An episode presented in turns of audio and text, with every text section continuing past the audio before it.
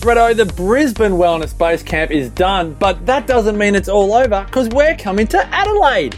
Hey, Adelaide. We love Adelaide. The first Wellness Couch event in Adelaide, and a very special announcement is that your mate, the great Damien Christoph, and my mate, 100 Not Out Mate, is coming to join us. Oh, it's going to be a ripper. We twisted his arm, we forced him to come along, and he's great, Damo. He's always funny. Don't tell him I said that, but he's always a wealth of information as well, and people love him. He's just got a great way of getting the nutrition message across in a way that allows people to make real sustainable changes. You know, it wasn't that uh, you had to twist his arm. He had the FOMOs and not coming to Brisbane. So he's jumping on the plane, coming over to Adelaide. It's Saturday, April 7. Two for one tickets are available with the code I love Damo. That's 197 bucks for two tickets, less than 100 bucks per person. Saturday, April 7 in Adelaide. Damien Christoph, Kim Morrison, JP and Andy from Smashed Avocado, Brett Hill, myself. Saturday, April 7, the Wellness Base Camp. Get your two for one tickets with the code I love Damo. Bretto, see you there. See you there.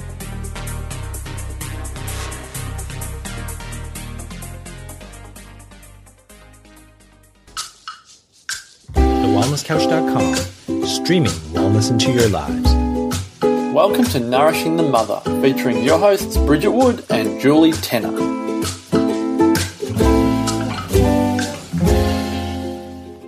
Hello and welcome to Nourishing the Mother. I'm Bridget Wood.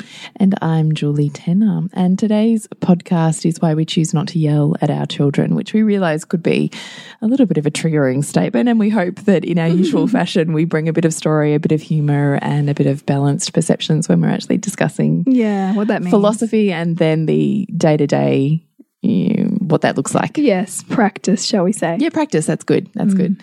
So before we jump into that podcast, I just want to remind you to jump on onto nourishingthemother.com.au and on the front page, sign up to join our tribe with your email address. And once a week, we'll send you a wrap up email with everything we've put out in the world with links and blurbs so you pick and choose where you want to dive deeper. And can I just say that everybody on our email list this last week got some stellar insight into my weekend with silent disco. because if you haven't had an experience of silent disco, let me tell you, if you are organizing a hands party, you are that is your responsibility to find someone who is going to run a silent disco for you and your friends because I did it and it was the best fun ever. Oh, I've done it with my kids actually at Christmas time. Have you? It's totally segue. This is a massive segue. At um, Christmas time, the. Christmas carols locally, they had silent disco going on at the Christmas carols. That's so cool. So it's in like this massive, you know, footy oval with everything in the whole um, shebang of a market and whatnot. And you've got this group of randoms, kids, parents, rocking around doing silent disco around the. It was it was absolute gold. I cannot tell you It's just the best it. fun. It's just like we, well, there was I think about fifteen of us, and we all had headphones on, and this guy in full lycra, you know, right at the front, kind of, you know, being the DJ and getting us to do a few little activities, and then we'd spot random people, you know, that we would walk past into Melbourne City and give them the spare headphones and try and pull them into our like dance, you know. So we had like we were dancing off with Bohemian Rhapsody on Collins Street, you know, like just it was just the best fun, like because you knew that you were in your own little world and you're kind of trying to pull other people into it. So this is the amazing stuff you could be missing if you're not on yes, that you know, this is the kind that of the gold. Bridget? yes, yes, this is the gold, right? I hope it's a little better than that Yeah, yeah, generally, yeah. but we do usually chuck in there also a bit of what we're loving on in that week. And this is what you're loving on in this week. Totally. And I would love to interview the person who started Silent Oh, Disco because I think they would be fascinating. So if you know that person, please let us know Yes. as well. Connect at nourishingthemother.com.au. Okay. Back to the podcast, Mm. Back to the- Bridget. Can back we to get the back topic to hand. get back to parenting? Yes. you know, for a moment, which is where we love to segue to, and we want to talk today about um, why we choose not to yell at our kids. Not that that is always the reality, but what we do in a philosophy, why we strive towards that, and what we do in repair if we've gone over that. Mm, mm. Where do you want to start, Bridge? Perhaps I think I mean as we are working through with our with our tribe in the Loathing to Loving program at the moment, so much of what we value in our life comes from what we, from something that we perceive was missing for us. So it comes from this idea of, of a void that we're looking to fulfill, and that's really what drives you, you and you and I in a in our parenting, I suppose, is mm. this desire for deep connection and communication and understanding among, with, in relationship with our children. And so, if we come at that with our parenting ideals, then it means that yelling by nature isn't really a relationship that is built on a desire to deeply understand and connect and um, relate, you know, in a in a in a in a open hearted way with our children. I, I guess. I really seek in my life relationships that are built on respect. Like I have a high value on relationships in my life, and and I don't see any difference between the between those adult relationships that I cultivate and the ones that I cultivate with my children. So, in a respectful relationship, there would be ideally um, an opportunity for reflection, um, apology, connection, and and respect that means that you wouldn't really speak to someone the way that you wouldn't like to be treated, in essence. And I think that that same thing can apply to how we relate to children. Um, so that is sort of philosophically um, where I come from. And, and I also recognize that the children's behavior is not really in, intentionally out to get us. It's, it's a, the behavior is a communication largely of something that needs addressing beneath it. You know, the uncom the the destructive behavior is not something to be punished; it's something to be understood. So, for me to yell at a, at a behavior means I'm almost missing the what it's trying to teach me. And so, when I do descend into those moments of raising my voice or not having capacity to hold what's going on, that's largely a reflection for myself to go, okay, what do I need right now to to bring myself more into this or to help my children move through where they're at, mm. as opposed to something that needs to be shut down. Mm. I've got, I'm sorry, I've got so many points going through my head as mm. you were saying all of that. So many, yes, I know, I get that, blah, blah, blah, happening in my head. What I, what I mean by that is I really understand what you're saying by when we ourselves um, get triggered enough that we end up yelling. It's because we've hit a trigger and our normal conscious front brain controls have They've just been, flooded. Yeah, they've just been They're bypassed- gone. bypassed. Yeah, and so you you've gone into a, a period of rage Mm. and anger and disconnection, and you're in a trigger. Mm.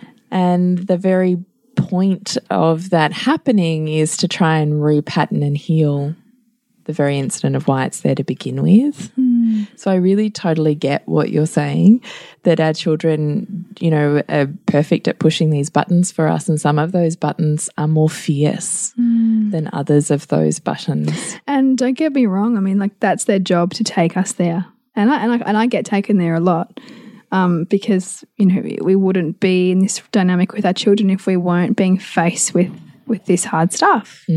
Um, but I guess my active choice is always to not make it about them, but rather it being about the dynamic. You know, whatever's coming up here is not for me to to shut down or punish or make them wrong about. It's for me to almost parent myself through as much as I'm having to parent them, knowing that that will help create healing in the relationship with them and also mm. the healing of the story in my own psyche that that's pushing the button on, right? Until we mm. then obviously get the next challenge. But coming at the position of choosing not to yell means coming at the position of being willing to see, oh, what are they trying to teach me? Just as much as what I'm here to try and teach them. Mm. Did your parents yell at you? I don't remember my mum yelling a lot. I don't really remember a lot of yelling at all, actually, which is interesting that I don't like yelling. Yeah, I was gonna. Uh, yeah, And I haven't, and it's interesting that I haven't really mined in depth my own childhood story. I don't think that there was exceptional communication skills demonstrated. So that's, I think, why I have a high value on, communication. communication. So by having a high value on communication and, and, a, and a level of consciousness around our relationships, that's really probably where the the non the non yelling thing comes from.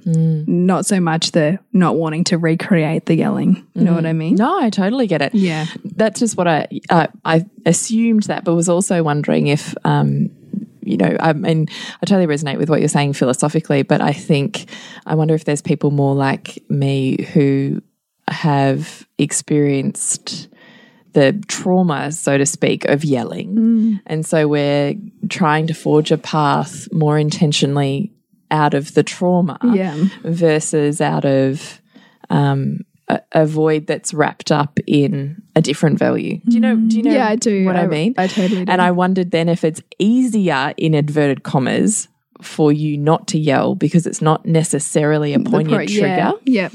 I don't know, but I just had that moment. Yeah, as I was possibly. Possibly. I mean, and I think for me, probably what was more likely would have been um, withdrawal and shutdown. Would have been likely what was what my the dynamic was for me. Um, I definitely know that my dad wasn't able to relate emotionally particularly well, and he would be quite um, closed off. So, it's, is your pattern instinctively, so to speak, to withdraw and shut down, or is it that withdrawal and shutdown around you triggers you? Yeah, withdrawal and shutdown around me triggers me.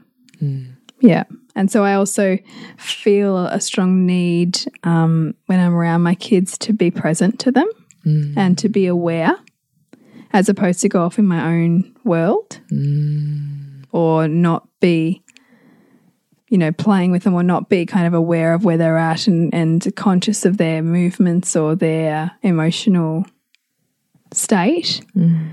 Because I think that that's almost not safe for me to go back there as where I was as a child and mm. and not really you know really supported in that way I suppose. So I think probably is that would be where my conscious focus comes from that mm. desire to feel the connection that I potentially didn't feel yeah, I mean yeah. I, I I think so much of this uh, I'm still pe- you still piece together because I think at every age that our children are at we kind of get little breadcrumbs of information about what it might have been like For for us. us, so how we perceived our own environment Because at every age, you're hitting a new stage of yourself. Yeah. Yeah, which is part of what makes that growth so brutal. Yes. Yes, exactly. Um, for me, when I think about yelling, I have a direct experience of that. So my mum was, I I've mentioned so many times before, you know, a roller coaster ride of, of emotions. And, you know, what came with that was, you know, extreme, you know, yelling and screaming. And I have so many vivid memories of mm. being what felt like slaughtered by screaming words. wow. And I realized this, I pieced this, I'm even having a, I can feel my blood pressure start to change my body as I even like have moments of thinking about those. So, I mean, I've still got so much work to do in unpacking them.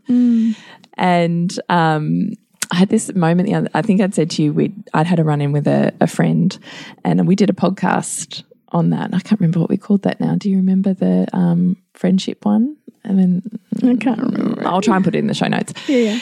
anyway, I had this um, friend scream and yell at me on the phone, which was, and then hang up on me, which was a hundred percent what my mum used to do.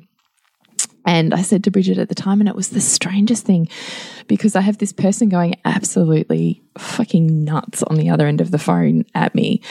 And instead of any other, I don't know, way that you could fire back, fire up, hang up, I went into freeze.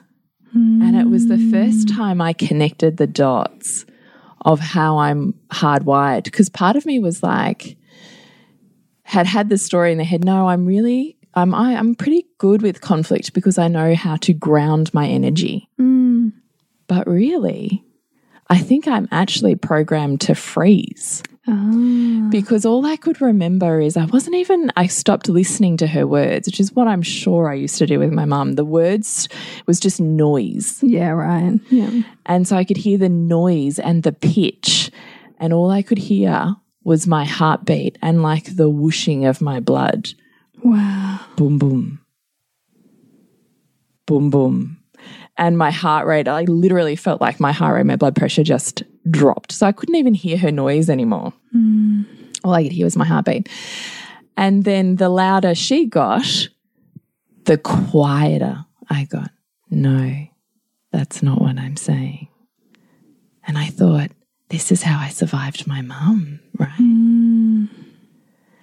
And it was in that moment that I went, oh my God, this isn't just, you know, me being oh so fantastic in conflict. This is my survival mechanism.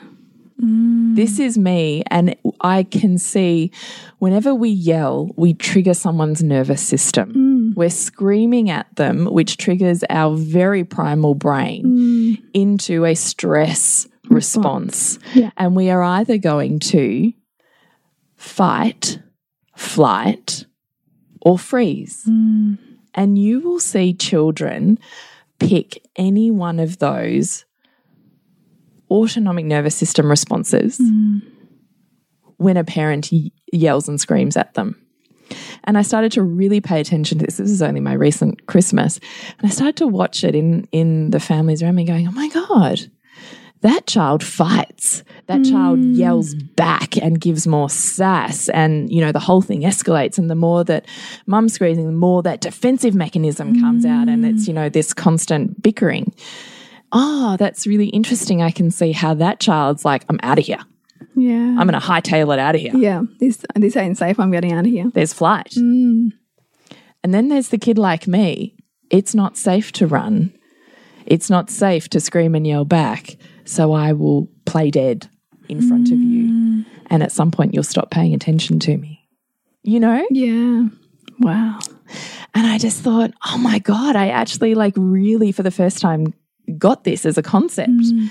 And I can and I flashed back and I thought all these times I remember when I was first getting into really conscious parenting and I would read these, you know, in inverted commas, hippie blogs about which you and I, you know, integrate and talk so easily and consciously because it's so integrated in our parenting styles now around, you know, non-punitive discipline. And um, I remember reading this blog about why you should never yell at your children and feeling triggered by it because I couldn't help but yell at some point at my children and thinking that's just fucking bullshit. Like, what reality hippie la la land is this person living on? Like, this is ridiculous. Like, Yeah. it's not even, how about we just stack on some more Yeah. blame and shame and judgment And, onto need mothers more- and all the ways you're not guilt. measuring up and, you know, all the ways that your child is perfect rather than, you know, really fucking annoying sometimes. Yeah. You know, and I can so see my thought processes. Mm.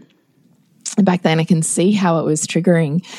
And I can see how I hadn't processed myself enough to know how to heal what was what that was covering. Mm. And therefore bring a sense of presence and control not only to myself and my own inner child but also to my child in those moments which means I don't need to get to the point of yelling because I mm. can deal with my own trigger on mm. that but I, I have such compassion for it because I can still, and it's funny, my voice starts to go funny as I'm, which is in itself interesting. I can still feel myself reach those edges sometimes hmm. where that's it. I'm like freaking done. Like, hmm. just do it. Hmm. I can feel myself hit those edges often. I wish I'd, you know, I wish it wasn't often, but I can feel myself hit those edges often it's rare that I'll leap into yelling, but I'm not going to say I don't do it because hmm. if I've not put enough back in, if I haven't brought enough presence and consciousness to myself and and gentleness with my own inner feelings and inner hmm. world in that day, I will get to the point where I can't cage my rage. Hmm. And I really, really hear that because I've been sitting with that a lot lately. I was thinking sometimes it feels like it's a it's a beast that you that that, that just with just the right amount of mm. you know with just the right trigger would just leap out. Mm. And some days it can feel like every effort is made to bring the all bring everything that you need for yourself first, so that you can not go there. You know what I mean? And so I have such empathy for, you know, for the dynamics we find ourselves in where that might be a reality. And I would, you know, say, like, be really gentle on yourself. And it's also a values thing. I mean, you and I don't hide behind the fact that that this stuff is really important to us. Um, you know, for you, it's way more conscious what what that comes from. For me, I'm still figuring it out. Um, but I, it's a, we can't escape um, our true values. Like that, we just it's how we live our life, um, and it's something that you and I have, have, have. It's like a practice, you know, that we dedicate ourselves to daily in terms of how to, um, you know, raise ourselves in order to to raise, our raise them. children. Which is so funny to say because I was just thinking as I'm flashing back to my summer camp um, with this, you know, group of families who go away Mm. with sort of nine or ten families. So you get to witness some really up close, you know, Yeah, I bet. family living, you know, behind the closed doors, right? Because there are no There are no doors doors. in your camping. there's no walls. There's no, doors. and we were sitting um, around just all of the parents one night, and uh, the conversation started about how they'd lost their shit with their kids that day, and this and this and this and this and this, and you know, I listen with humor, and I I get it, and I can hear them, and, and I don't judge them because I can see that they don't have another tool set. Anyway, this one mum joked, and she went, "I can't, like, you know." Jade, my daughter, had done this or this or this, whatever it was. I can't even remember. And she goes, And I watched you, and you walked up to her and you got super quiet and you just spoke to her very quietly. And I was like, Oh, come on.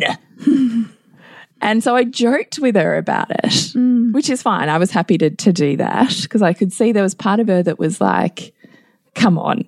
Like, you can't possibly hold your shit together. Like, hmm. come on. yeah, yeah, yeah. And then, so there's part of her that wants that. There's part of her that likes what she sees, and there's part of her that judges herself when she watches me do hmm. that. Hmm. So I really just had compassion for that, and I laughed. Humor is a fantastic way to move through big feelings. Yeah, so we, yeah, yeah. I joked about it with her. And then I was sitting with my husband later that night, and I just said, you know, it must be so hard, like because I know where this friend of mine has come from in her parent, from like the way that she was treated as mm. a child, and it's next level to the way that I was treated. Mm. And I was saying to my husband, so the fact that she's showing up here with her children and sure she's yelling is like a lifetime away from the way that she herself was raised. And I was mm. saying I just have such compassion for that. And you know, I mm. can't judge that mother because I have not walked her path Yeah. and I'm not carrying the voids and the wounds that she has. Mm. I'm not carrying that into my parent bubble. I was having this conversation with my husband. And I said, "Oh, maybe you just can't get to that point. Like, what if your parenting is an evolutionary process and you can only, you know, do your best and it goes so far? And um, my husband looked at me and he went, What are you talking about? He said, You've experienced this and this and this that she has, and you're not doing what she does. Don't you think you can like do it if you want to do it? If you have a conscious enough desire in which to do the self work to do that? And i went ah yeah that's probably true so it's hmm. probably just not her value hmm. Yeah, she just might not have a high value on it. It's not enough. It's not a pain. It's not painful enough. It's not raw enough. It's not inspiring enough for her to empower that, empower new ways of connecting or being with her kids. Hmm. so i just found that really interesting i was i just as you were saying that i was thinking i can really get that and i and i witnessed that in the families that are around us but i also think you don't need to just be happy with the or be contented with the status quo of your history. Mm. That there is a way to create a much more intentional path forwards for your children, mm. but it actually has to come from you because they're reflecting you. Mm. and the parts that you most want to run away from, like I, I can think through my head, like there's certain times where I know I go from super spacious to just annoyed, you know, and we all have that spectrum within us. And that's there for us to learn from. That's there for us to go, oh, what, why is it that that bothers me so much? And you, you know this with your with your partnership dynamics, the things that your kid, kids do to to you like might fire you up, but if they do the same thing to your partner, it doesn't bother your partner because we've all got different edges, and we're all being taken to those different edges um, in different ways based on what it is that stirs us up the most, and it's stirring us up for us to learn from it. Hmm.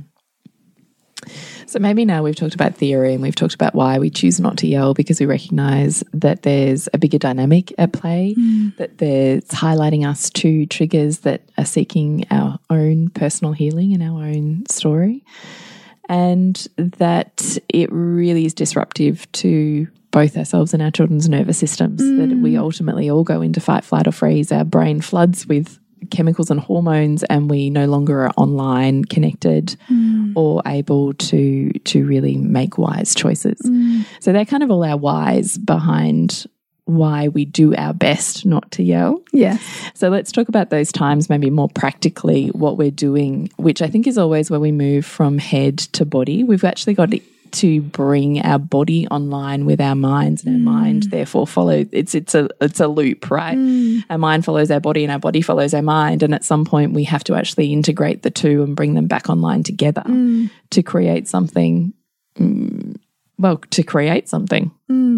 To create, to create a path forward, Yeah, essentially. yeah, yeah, So let's talk about how we're practically actually doing that. So, Bridget, maybe you could talk me through what is it that you, what is it that takes you to your edge, and what are you doing for yourself within hmm. yourself, and what choices are you making for your children in those moments, and why? Hmm. So an edge for me is my kids fighting, or largely my son attacking my daughter because he's the bigger one. She's still 18 months old. And that's a trigger for me because my brother and I didn't really have good communication. Like we would have a game we call punch and kick and fight. And we used to punch it out and kick it out. He was the great one at punching. I was really good at kicking. And that was sort of largely how we worked through our stuff and likely expressed the family dynamic. Um, and so, what I'm really wanting to equip my kids with is an ability to work through their stuff in a more constructive way that doesn't involve hurting each other. Um, so, at the moment, like a, trigger for me is when I can see him, my son, continually doing something to her when she's already upset by it. And I can feel, right, like, you know, you know, there's this visceral feeling in your body when that wave of anger kind of rises up. And so for me, I, I do have like a quick moment of parenting myself in that before I leap to like, you know, the tiger that wants to kind of, you know, rip rip the, you know, attacker off off the um off the the prey. And so for me it really is taking a breath and it's tuning into what is going on for my daughter. So what's so is she actually really bothered by by what's going on or is it my projection onto the situation? How can you separate those two? oh, sometimes you do it better than others, but I think I, I try to do it by looking whether she's reacting or not. Like, 'cause sometimes he can be doing things to her, or he can take things something from her, and she doesn't. She's not bothered by it. She's like whatever. She's like, whatever. So therefore, why am I? I'm not going to go and go and enter into that if if I've you know I may have completely misread the situation. You know, it's not my place to enter into that to the dynamic that is uniquely theirs. If it's something's not a problem, so that is like a first check that I do, um, and then when it is clearly a problem for her, I give him you know reflection. You know, she's clearly upset by what you're doing right now. Can you please stop? Um, or you know even um, oh I know always use please let's be let's be honest and or and if he continues to do it it'll be me needing to put my hand in place or do something to stop the act to stop the action because his you know with sibling dynamics his behavior towards her is an expression of something that's going on within him that needs to be moved in a more constructive way. You know it's it's it's you know often particularly more lately because he's going home from school and there's perhaps some powerless going on at school so he wants to be the powerful one at home. So he wants to take things out on her. Um, so i recognize that and i'm looking also for that. So that also helps me not um, get as angry with him as i might if i didn't have that awareness but certainly it is as much as i can to to protect her from being hurt because she's not at an age where she can start to do that for herself yet. Um, and help him to see the impact of his actions without punishing him when he does continue to go past what I say. You know, it's really for me about reinforcing the impact of his choices and his behavior on someone else, as opposed to making him bad or wrong. Because I think that the more we can reinforce the impact of their choices and how they hurt other people, they can internalize recognizing that, not internalizing the pain that might come from a parent yelling or, you know, hurting them in some way. I would rather him reflect on his impact and actions on her, not his fear of what I might do. Mm. I'm not interested in him fearing me at all. It's ne it's never the objective for me. Um, mm. so that's probably how I approach it in a mm. roundabout way. So, how is it that a single breath, you're able to quell yourself with a single breath? I think I've almost on some level programmed that in me as like a it's not about you. It's not about you. Like, you know, mm. separate yourself. Like a, it's like a, a it's like a It's a practice yeah, mantra. it's a practice. Mm. Yeah. Yeah, yeah. It's like an affirmation, isn't it? I mean, it, mm. it, it, it influences our psychology, and the more that you practice it, Yes. like a meditation practice, like a yoga practice, like strengthening a muscle at gym, the mm. more you do it, the more it becomes your go-to. And and sometimes I w- sometimes I will go past my line. Like sometimes I will get you know what I recognize as irrationally angry at him for what he's done. And that's usually when I'll then go, look, I'm feeling really angry right now because I can see that you were continuing to hurt her when she was telling you to stop. And that is not okay with me. Mm. So that is how I'll come back from, you know, perhaps where I might have overreacted by giving more reason around my overreaction. Just like I want him to be able to use that same language with someone else when they push him too far. Mm. You know, I, I think of all of that as equipping him with communication skills to take into his world. So that the better I can br- show up with that skill set within me, the more I'm imprinting him with that ability to relate to others in that way. What about you? Um, I think I'm. I think I'm really pretty great at it now. Like without that sounding weird. Yeah, no, you are. Yeah, but it's taken me a just so long to integrate that as Yeah. a practice because of the intense emotional ferocity from which I'm birthed. And, and and I mean that would be like talk about dragging yourself over hot coals, kicking and screaming. That is seriously what it is a bit like, yeah, because because because the level of rewiring that takes when that is completely at odds with what you would have experienced. Yeah, absolutely, completely at odds. Um, so how do I do it? I well, you know that I avoid pain with humor. It can also work for you as opposed to always working against you. So I do now have almost a playfulness with my anger. And I recognize that much like parenting, where we move from the strict confines of consciousness to stretching it into playfulness, I mm. think that's a continuum of conscious parenting. Mm. I recognize so much that, you know, as adults, well, as children, we started in play, right? We are just mm. enmeshed in play.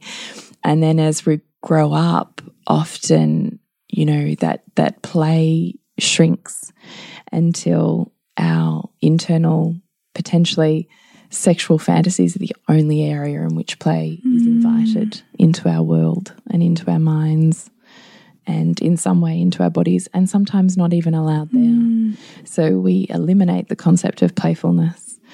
And yet I realize that there is expansion and a toolkit in playfulness mm. that is is hard to embrace. It's why it's so hard for us to play with our children. And why it's so hard to choose a playful response mm. over a just stop doing that mm. Mm. response.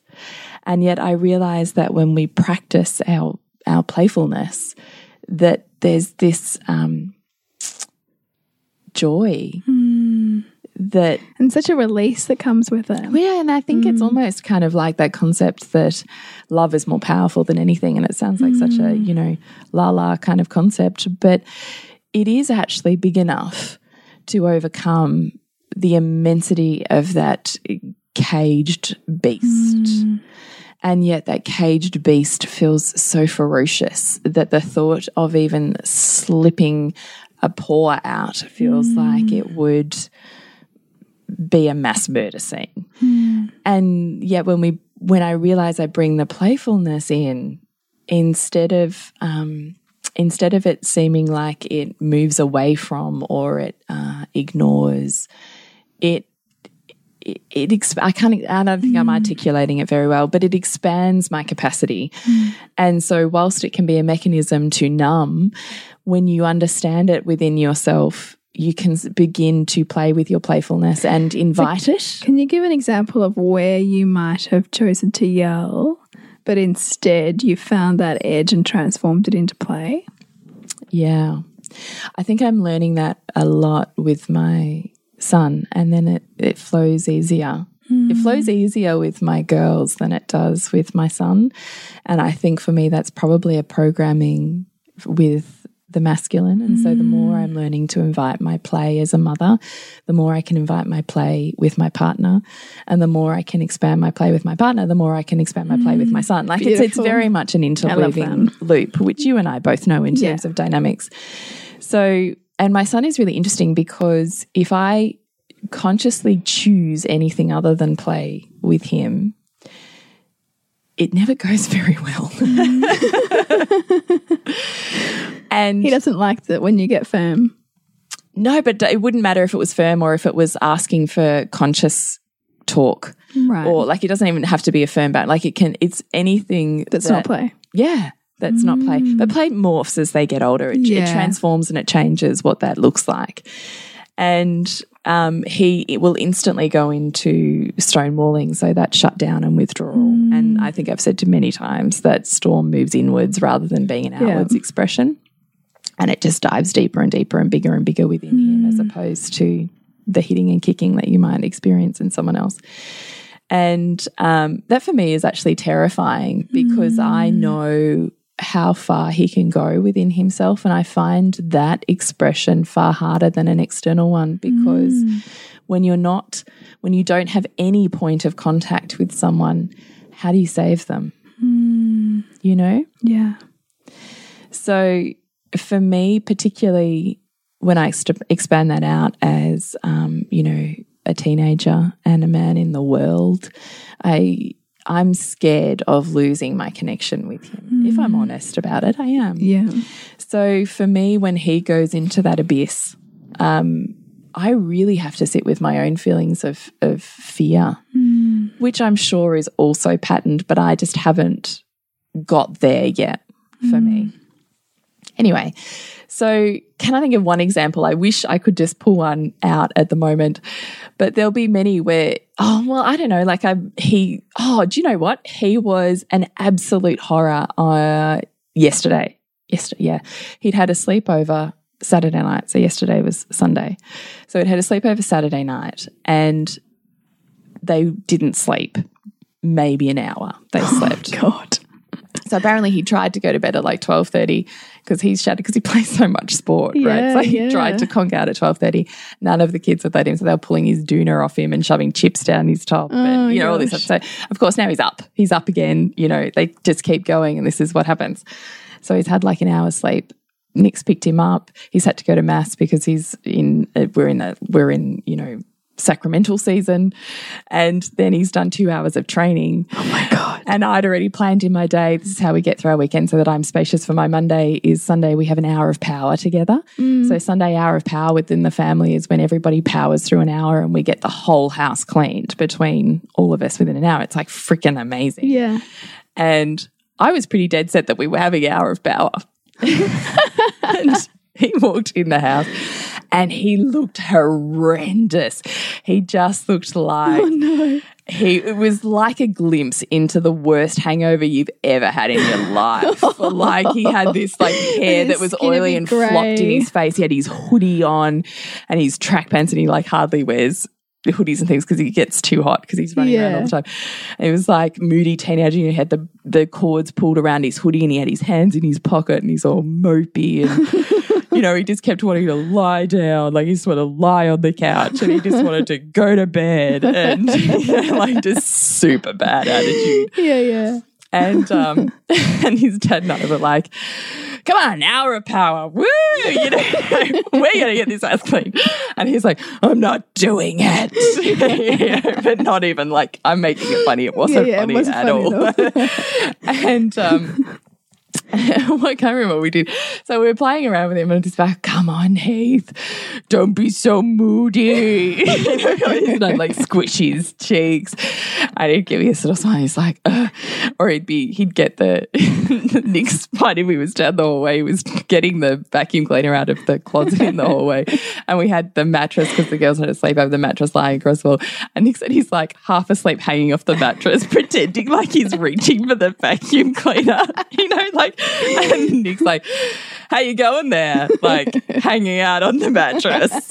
And he's like, I'm fine. You know, he's walking down the hallway with the with the vacuum and going, Ah, you look so amazing vacuuming. You were just killing me. You know, like I don't know, you just kind of Just ham it play, up ham it and- up yeah. and play and Did, were you able to pull him out of it? yeah. Yeah. Well done. Well, not lo- like not like he like bang snap back. He was he had nothing left, but enough that he did what I wanted to do, and he looked super cranky, and then.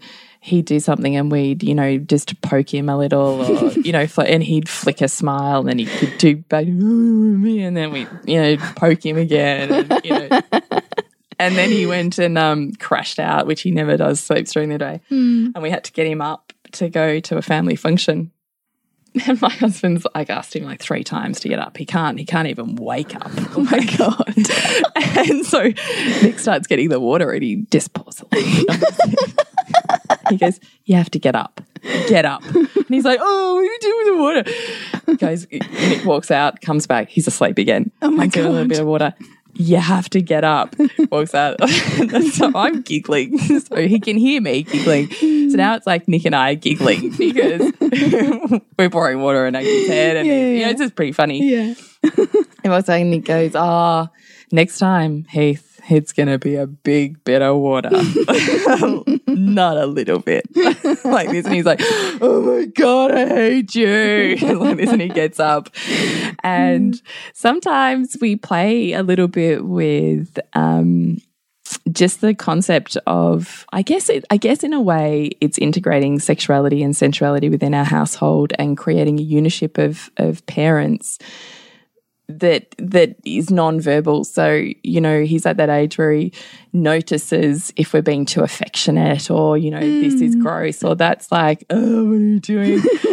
so we'll have it up and we'll have this like pretend, you know, pash or oh my god i love you so much in front of him or you know or we'll just A grab leg him. yeah well probably not quite that much but just like really you know ham that up just oh my god you're just like the best or we'll grab him and go oh my god he, you're so beautiful i just love you so much you know.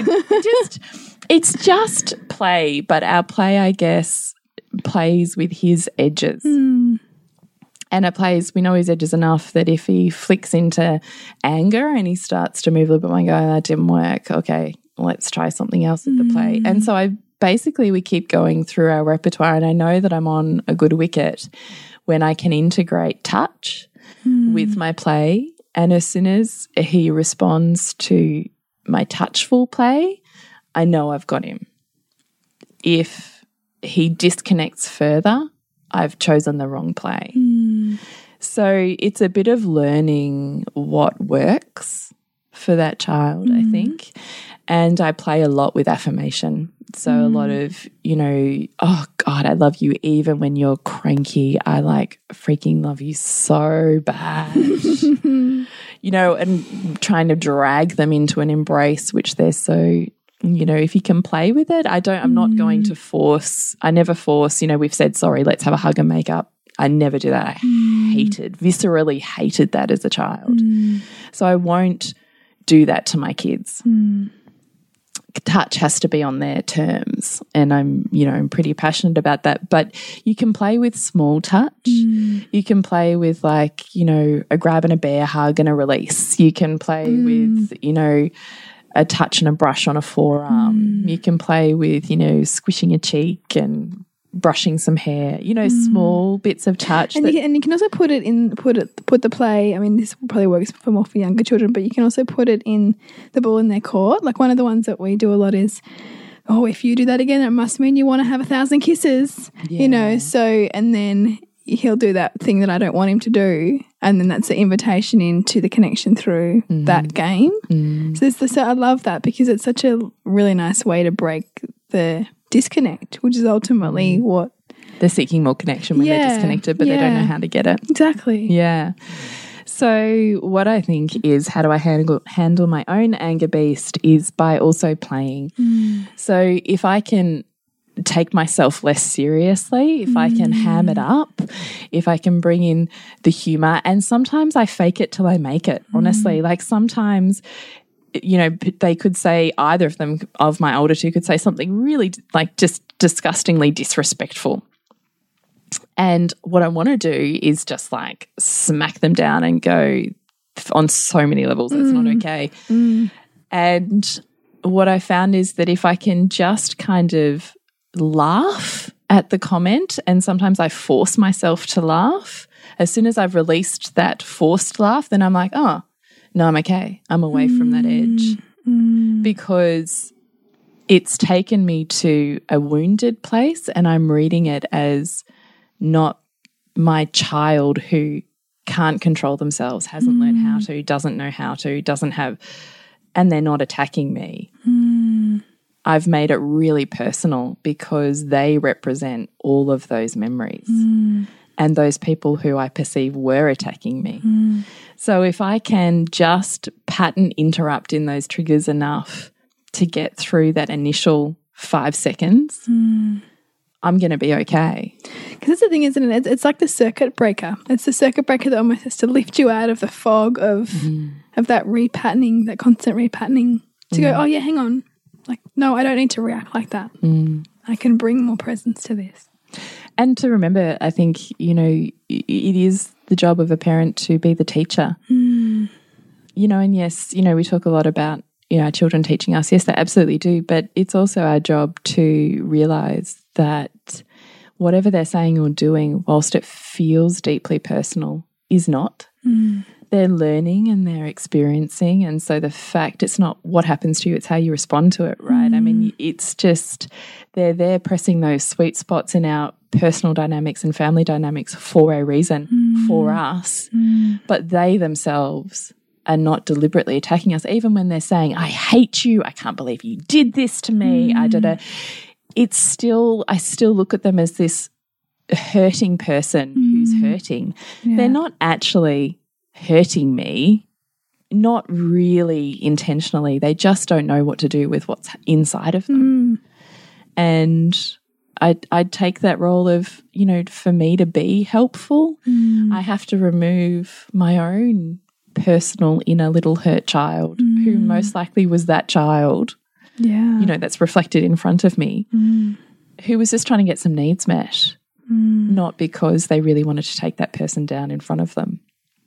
So I think when you can remove, you know, when you really get clear on that your triggers is your stuff mm. and what they're experiencing is is completely different. Like you were saying, I really look to my daughter to see is this affecting her or is this my reaction to what's mm. happening? It's the same thing, mm. just in different contexts. And I think the better you get at recognizing your triggers, the better you get at putting in place and practicing pattern interrupts for the first five to 15 seconds yeah. You're going to be okay. But you have to really get clear on what your trigger is, what its almost um, aura or warning signs are, and put in place the practice for those physical tools there. And then you widen your window of tolerance for how long you can. Um, hold spaciousness for before it becomes, well, hang on, I got to check out. It's Yeah. going too far for me. Yeah. Um, yeah, yeah, I lost my train of thought there, but that's that's my thoughts on it. Is hmm. play, invite your playfulness. You know, I just I realize the older I get, the you know, the less serious I realize we need to be, and yet we're hmm. so sold that seriousness is is like to be conscious, is to be you hmm. know deeply thinking and having these huge conversations all the time. I, I mean, I think our kids show us way all the time, and I've noticed that I've been feeling an edginess at dinner time because of like you know Sylvie loves to throw stuff off the off the mm. di- dinner table, and I just feel that edge of discomfort. And I always often think, you know, is this how I was feeling you know, when my kid, you know, when I was looking across at my mum when I was four or two or whatever it was, um, because dinner time can bring up a lot of triggers for people, like the whole mealtime mm. thing. Mm. And like tonight, like I really just, I really just sat with that and noticing this pattern in me and thinking, why am I on this edge? And instead of trying, you know, being serious, as you say, I really leapt into that playfulness and and and it was so so beautiful mm. because you know it allowed both of my kids to direct the play. It allowed them to you know laugh and laugh and laugh and connect and gang up on me, and it just released so much tension that I could feel had been building in that in that dynamic of dinner time mm. which you know we, we keep getting presented like you know whatever it is that that's tension filled moment of transition or connection in our family like that that brewing sense of of disconnection is there for us to sort of you know lean into and tease apart. And play can be such a beautiful way to do that. Mm. I totally mm. agree with you. Do so? I was having flashbacks in my head. Sorry. well, yeah, I could I can Yeah. totally see you kind of zoning Disappearing. yeah yeah yeah I was just thinking, we use song a lot. We we we make up songs. yeah Do you guys? yeah do we do that too yeah yeah And I was just thinking, it's exactly what my my daughter does. Even my four year old at kinder, a kinder teacher the other day, "Oh, a marvelous song from Lola. I was like, oh, that's that's wonderful. that's, what we do at home. And so they can, you know, have the opportunity to move their body and Yeah. process their feelings in a verbal way at the same time through song. So, Mm. you know, we often do that. We, you know, ham it up and make up songs. And anyway, I was having a flashback to that and thinking my son will never join into it, but he'll watch it enough to crack up and get out of his funk. So, Yeah, nice. And I that, don't know. that I mean that's kind of enough in itself. Yeah, too, yeah, yeah. Isn't it? Yeah. So I guess that's it, Bridge. We just really want to leave you with you really, you know, you can open up, you can show up and transform your family mm. relationships. I mean, I know that's our L2L tagline, but it's it's really the crux of Yeah. what we see this parenting gig as. And, Absolutely. you know, loosening up is often the hardest part, right? Because it's so tightly wound. Totally. I really think that that loosening up thing and that willingness to to not have to be the powerful one and to not have to have it your way and you know all of those things can Mm. That's really be the pathway. Yeah, it's Mm. really the pathway to connection. But I think we we banter about the word surrender, you know, probably a bit too much that we've kind of lost its intent and its meaning. And I think it's much harder than what we perceive surrender should be. So, and the more you surrender in one area, the more it, you know, spills out into the other areas of life too. So, yeah. You know, with that in mind, come join us for Aligned Parenting in April. We're kicking off mid April and we really want to dive deeper. And every time we do it, want to go deeper and deeper into Yeah. what that expansion looks like, what our family dynamics are revealing to us, because we are both just gut wrenchingly absorbed in mm. how perfect our family dynamics are. And when we start to realize the genius behind Yeah. them, that we can actually bring a level of, of gratitude and therefore an, and therefore a choice. And more capacity for greater depth too, Mm. which is really lovely. So jump onto nourishingthemother.com.au forward slash online programs and look up aligned parenting and come join us in April for that. So for $150, you get two weeks with us and we give you all the tools and tips for aligning your parenting and bringing your focus. Perhaps you've gone too far one way or the other, or you're feeling a bit toolless. This is the upskill. So Yeah. come join us for two weeks for that. You can reach us on socials at Nourishing the Mother on Facebook and Instagram. We do love your um, topic suggestions. We love your private messages. We love your emails. So please keep them coming. We really do adore being able to address and go where you want to go and have these conversations with other conscious mm-hmm. mums because you're a tribe just like us. Yes. To connect with you, Bridge, It's suburbansandcastles.com. And you, Jules? is thepleasurenutritionist.com. And Remember to nourish the mother to rock the family. and we'll see you next week when we continue to peel back the layers on your mothering journey. This has been a production of TheWellnessCouch.com. Check us out on Facebook and join in the conversation on Facebook.com forward slash The Wellness Couch. Subscribe to each show on iTunes and check us out on Twitter. The Wellness Couch, streaming wellness into your lives.